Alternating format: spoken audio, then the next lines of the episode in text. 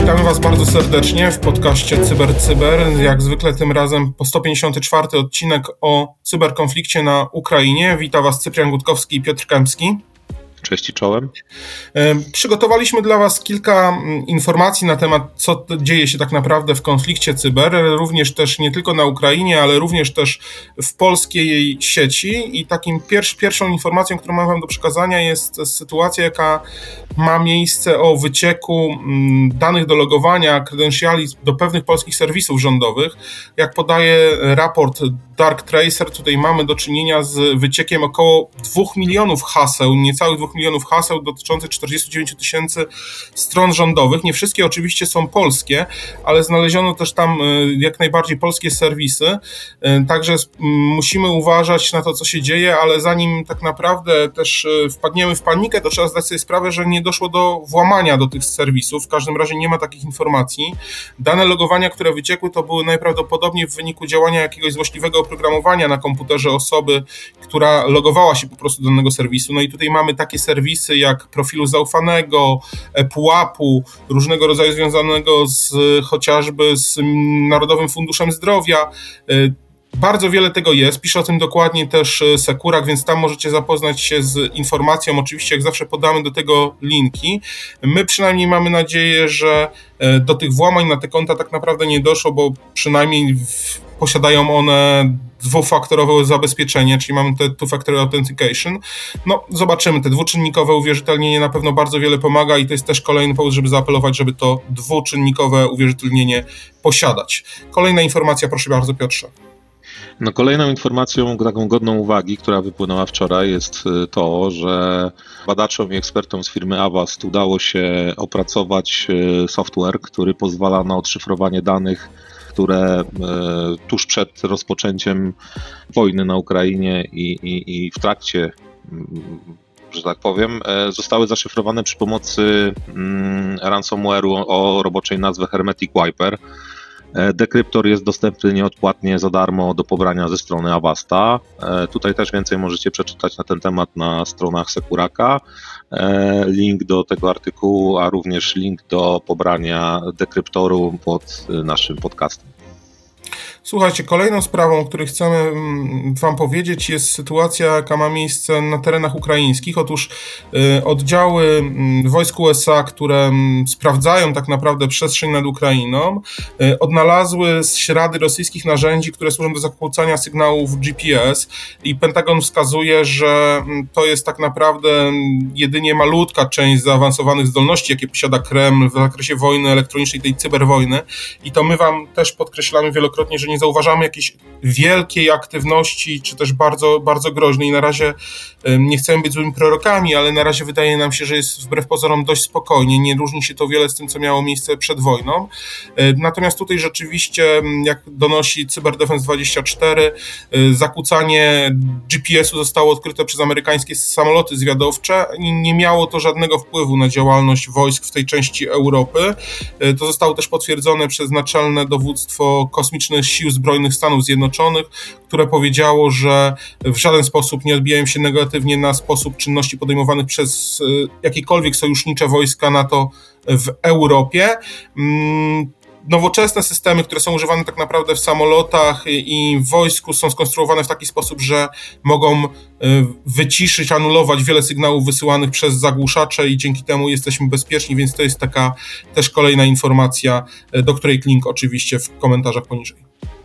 Mm, kolejnym newsem z ubiegłych e, godzin.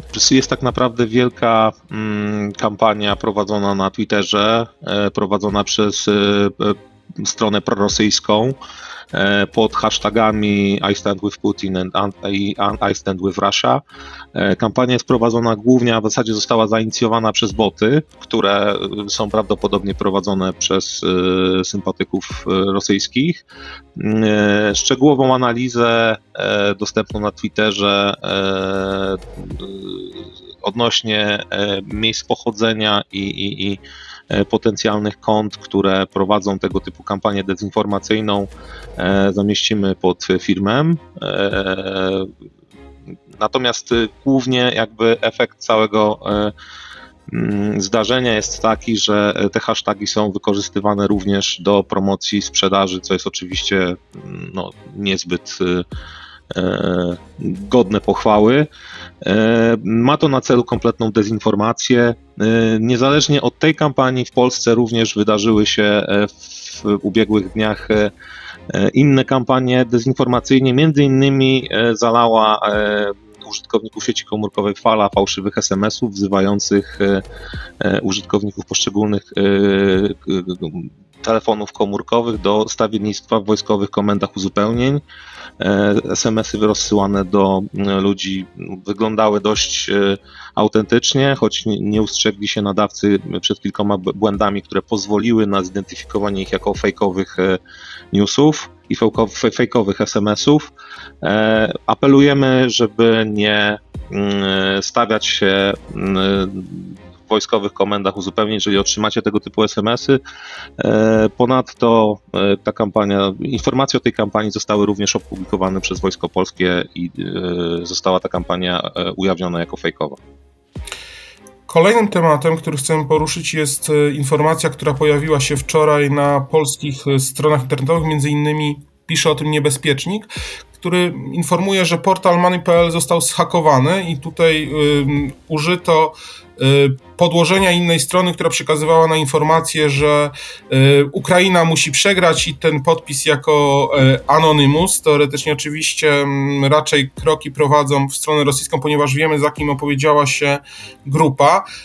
Faktycznie dzieje się tak dlatego, że został wstrzyknięty kod do skryptu strony many.pl i proszę zwracać na jedną uwagę, którą zwraca też uwagę, którą na którą zwraca uwagę też niebezpiecznik, jest kwestia tego, że jeżeli podajemy jakieś informacje, tak samo podają to ludzie z różnego rodzaju portali zajmujących się cyberbezpieczeństwem, jest to, że nie podajemy, podajemy linków, na które spokojnie można wejść, jeżeli chodzi na przykład o zainfekowane strony, czy strony, z których można pobierać teoretycznie skradnięte, czy bardzo ładną polszczyzną powiem, wycieknięte e, informacje, więc na to uważajmy, nie wchodźmy na te strony, ponieważ nigdy nie wiemy, co pobierać bierzemy, a też jeżeli dostajemy taką informację o schakowanej stronie, to nie wiemy tak naprawdę, jak ona się zachowa i co może się stać z naszym komputerem, więc to taka e, informacja dla Was, żeby, żeby tego unikać i uważać.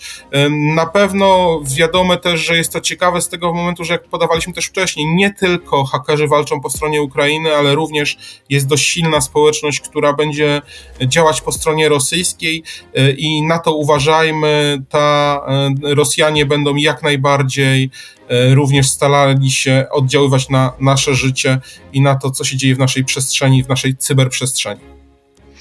E, kolejnym newsem, który pojawił się e, w przestrzeniach internetu, jest tak naprawdę fakt, iż została upubliczniona komunikacja wewnętrzna grupy hakerskiej, która jest odpowiedzialna za stworzenie ransomware E, pod nazwą Conti. E, jak się okazuje, wyciekła nie tylko ich cała komunikacja, która została upubliczniona tak naprawdę przez jednego z ukraińskich badaczy, natomiast e, ponadto upublicznił on archiwum z kodem źródłowym tego ransomware'a. Archiwum to było zabezpieczone hasło, hasłem, natomiast hasło to zostało złamane przez innego specjalistę od cyberbezpieczeństwa i w tym momencie jest dostępne w internecie, jest dostępny w internecie kod źródłowy e, tegoż właśnie ransomware'a. E, apelujemy w tym momencie mm, przy okazji, nie klikajcie, nawet jeżeli odnajdziecie tego typu wiadomości, nie klikajcie w linki, nie pobierajcie danych, które są udostępniane czy to na Twitterze, czy to na, poprzez e, jakieś newsfeedy na Facebooku z potencjalnie wykradzionymi z, z różnych miejsc danymi, dlatego że mogą to być dane, które będą wzbogacone o pewnego rodzaju, o różnego rodzaju malware i może to doprowadzić do infekcji waszych komputerów. Więc apelujemy o ostrożność w tej materii przy okazji. Kolejna kwestia są ataki phishingowe, które zostały wymierzone tak naprawdę na państwa, które wspierają Ukraińców, udzielając jej wsparcia logistycznego ukraińskim uchodźcom. Jest to kampania typu spear phishing, która zostaje skoordynowana najprawdopodobniej przez aktora państwowego.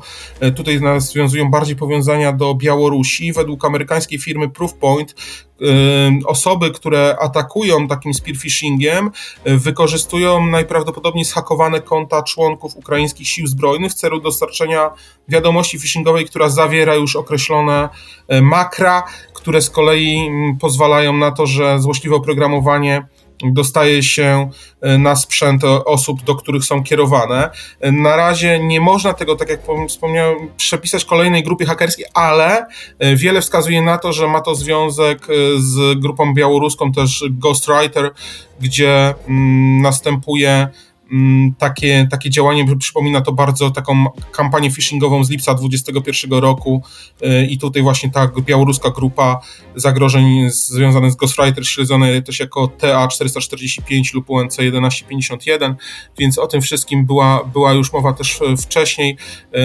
Y, najprawdopodobniej mogą pojawić się tego typu wiadomości, które będą właśnie kierowane, ukierunkowane już specjalnie w osoby u władzy bezpośrednio wspierające E, Ukraińców, czy koordynujące akcję e, niosącą e, pomoc. Więc jeszcze raz przyłączamy się do apeli, aby uważać, co robimy w sieci, mieć ten zdrowy rozsądek włączony, nie klikać w te wszystkie rzeczy po raz kolejny, to powtarzamy nawet już w tym podcaście, jeżeli nie jesteśmy osobami, które zajmują się tym cyberbezpieczeństwem rzeczywiście profesjonalnie.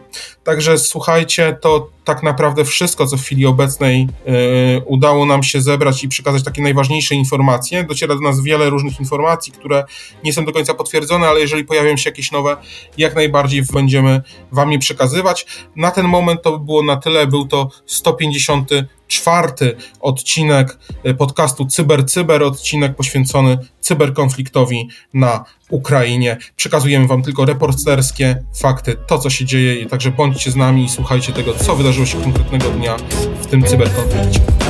Dziękuję, Cyprian Gutkowski i Piotr Kępski. Dziękuję.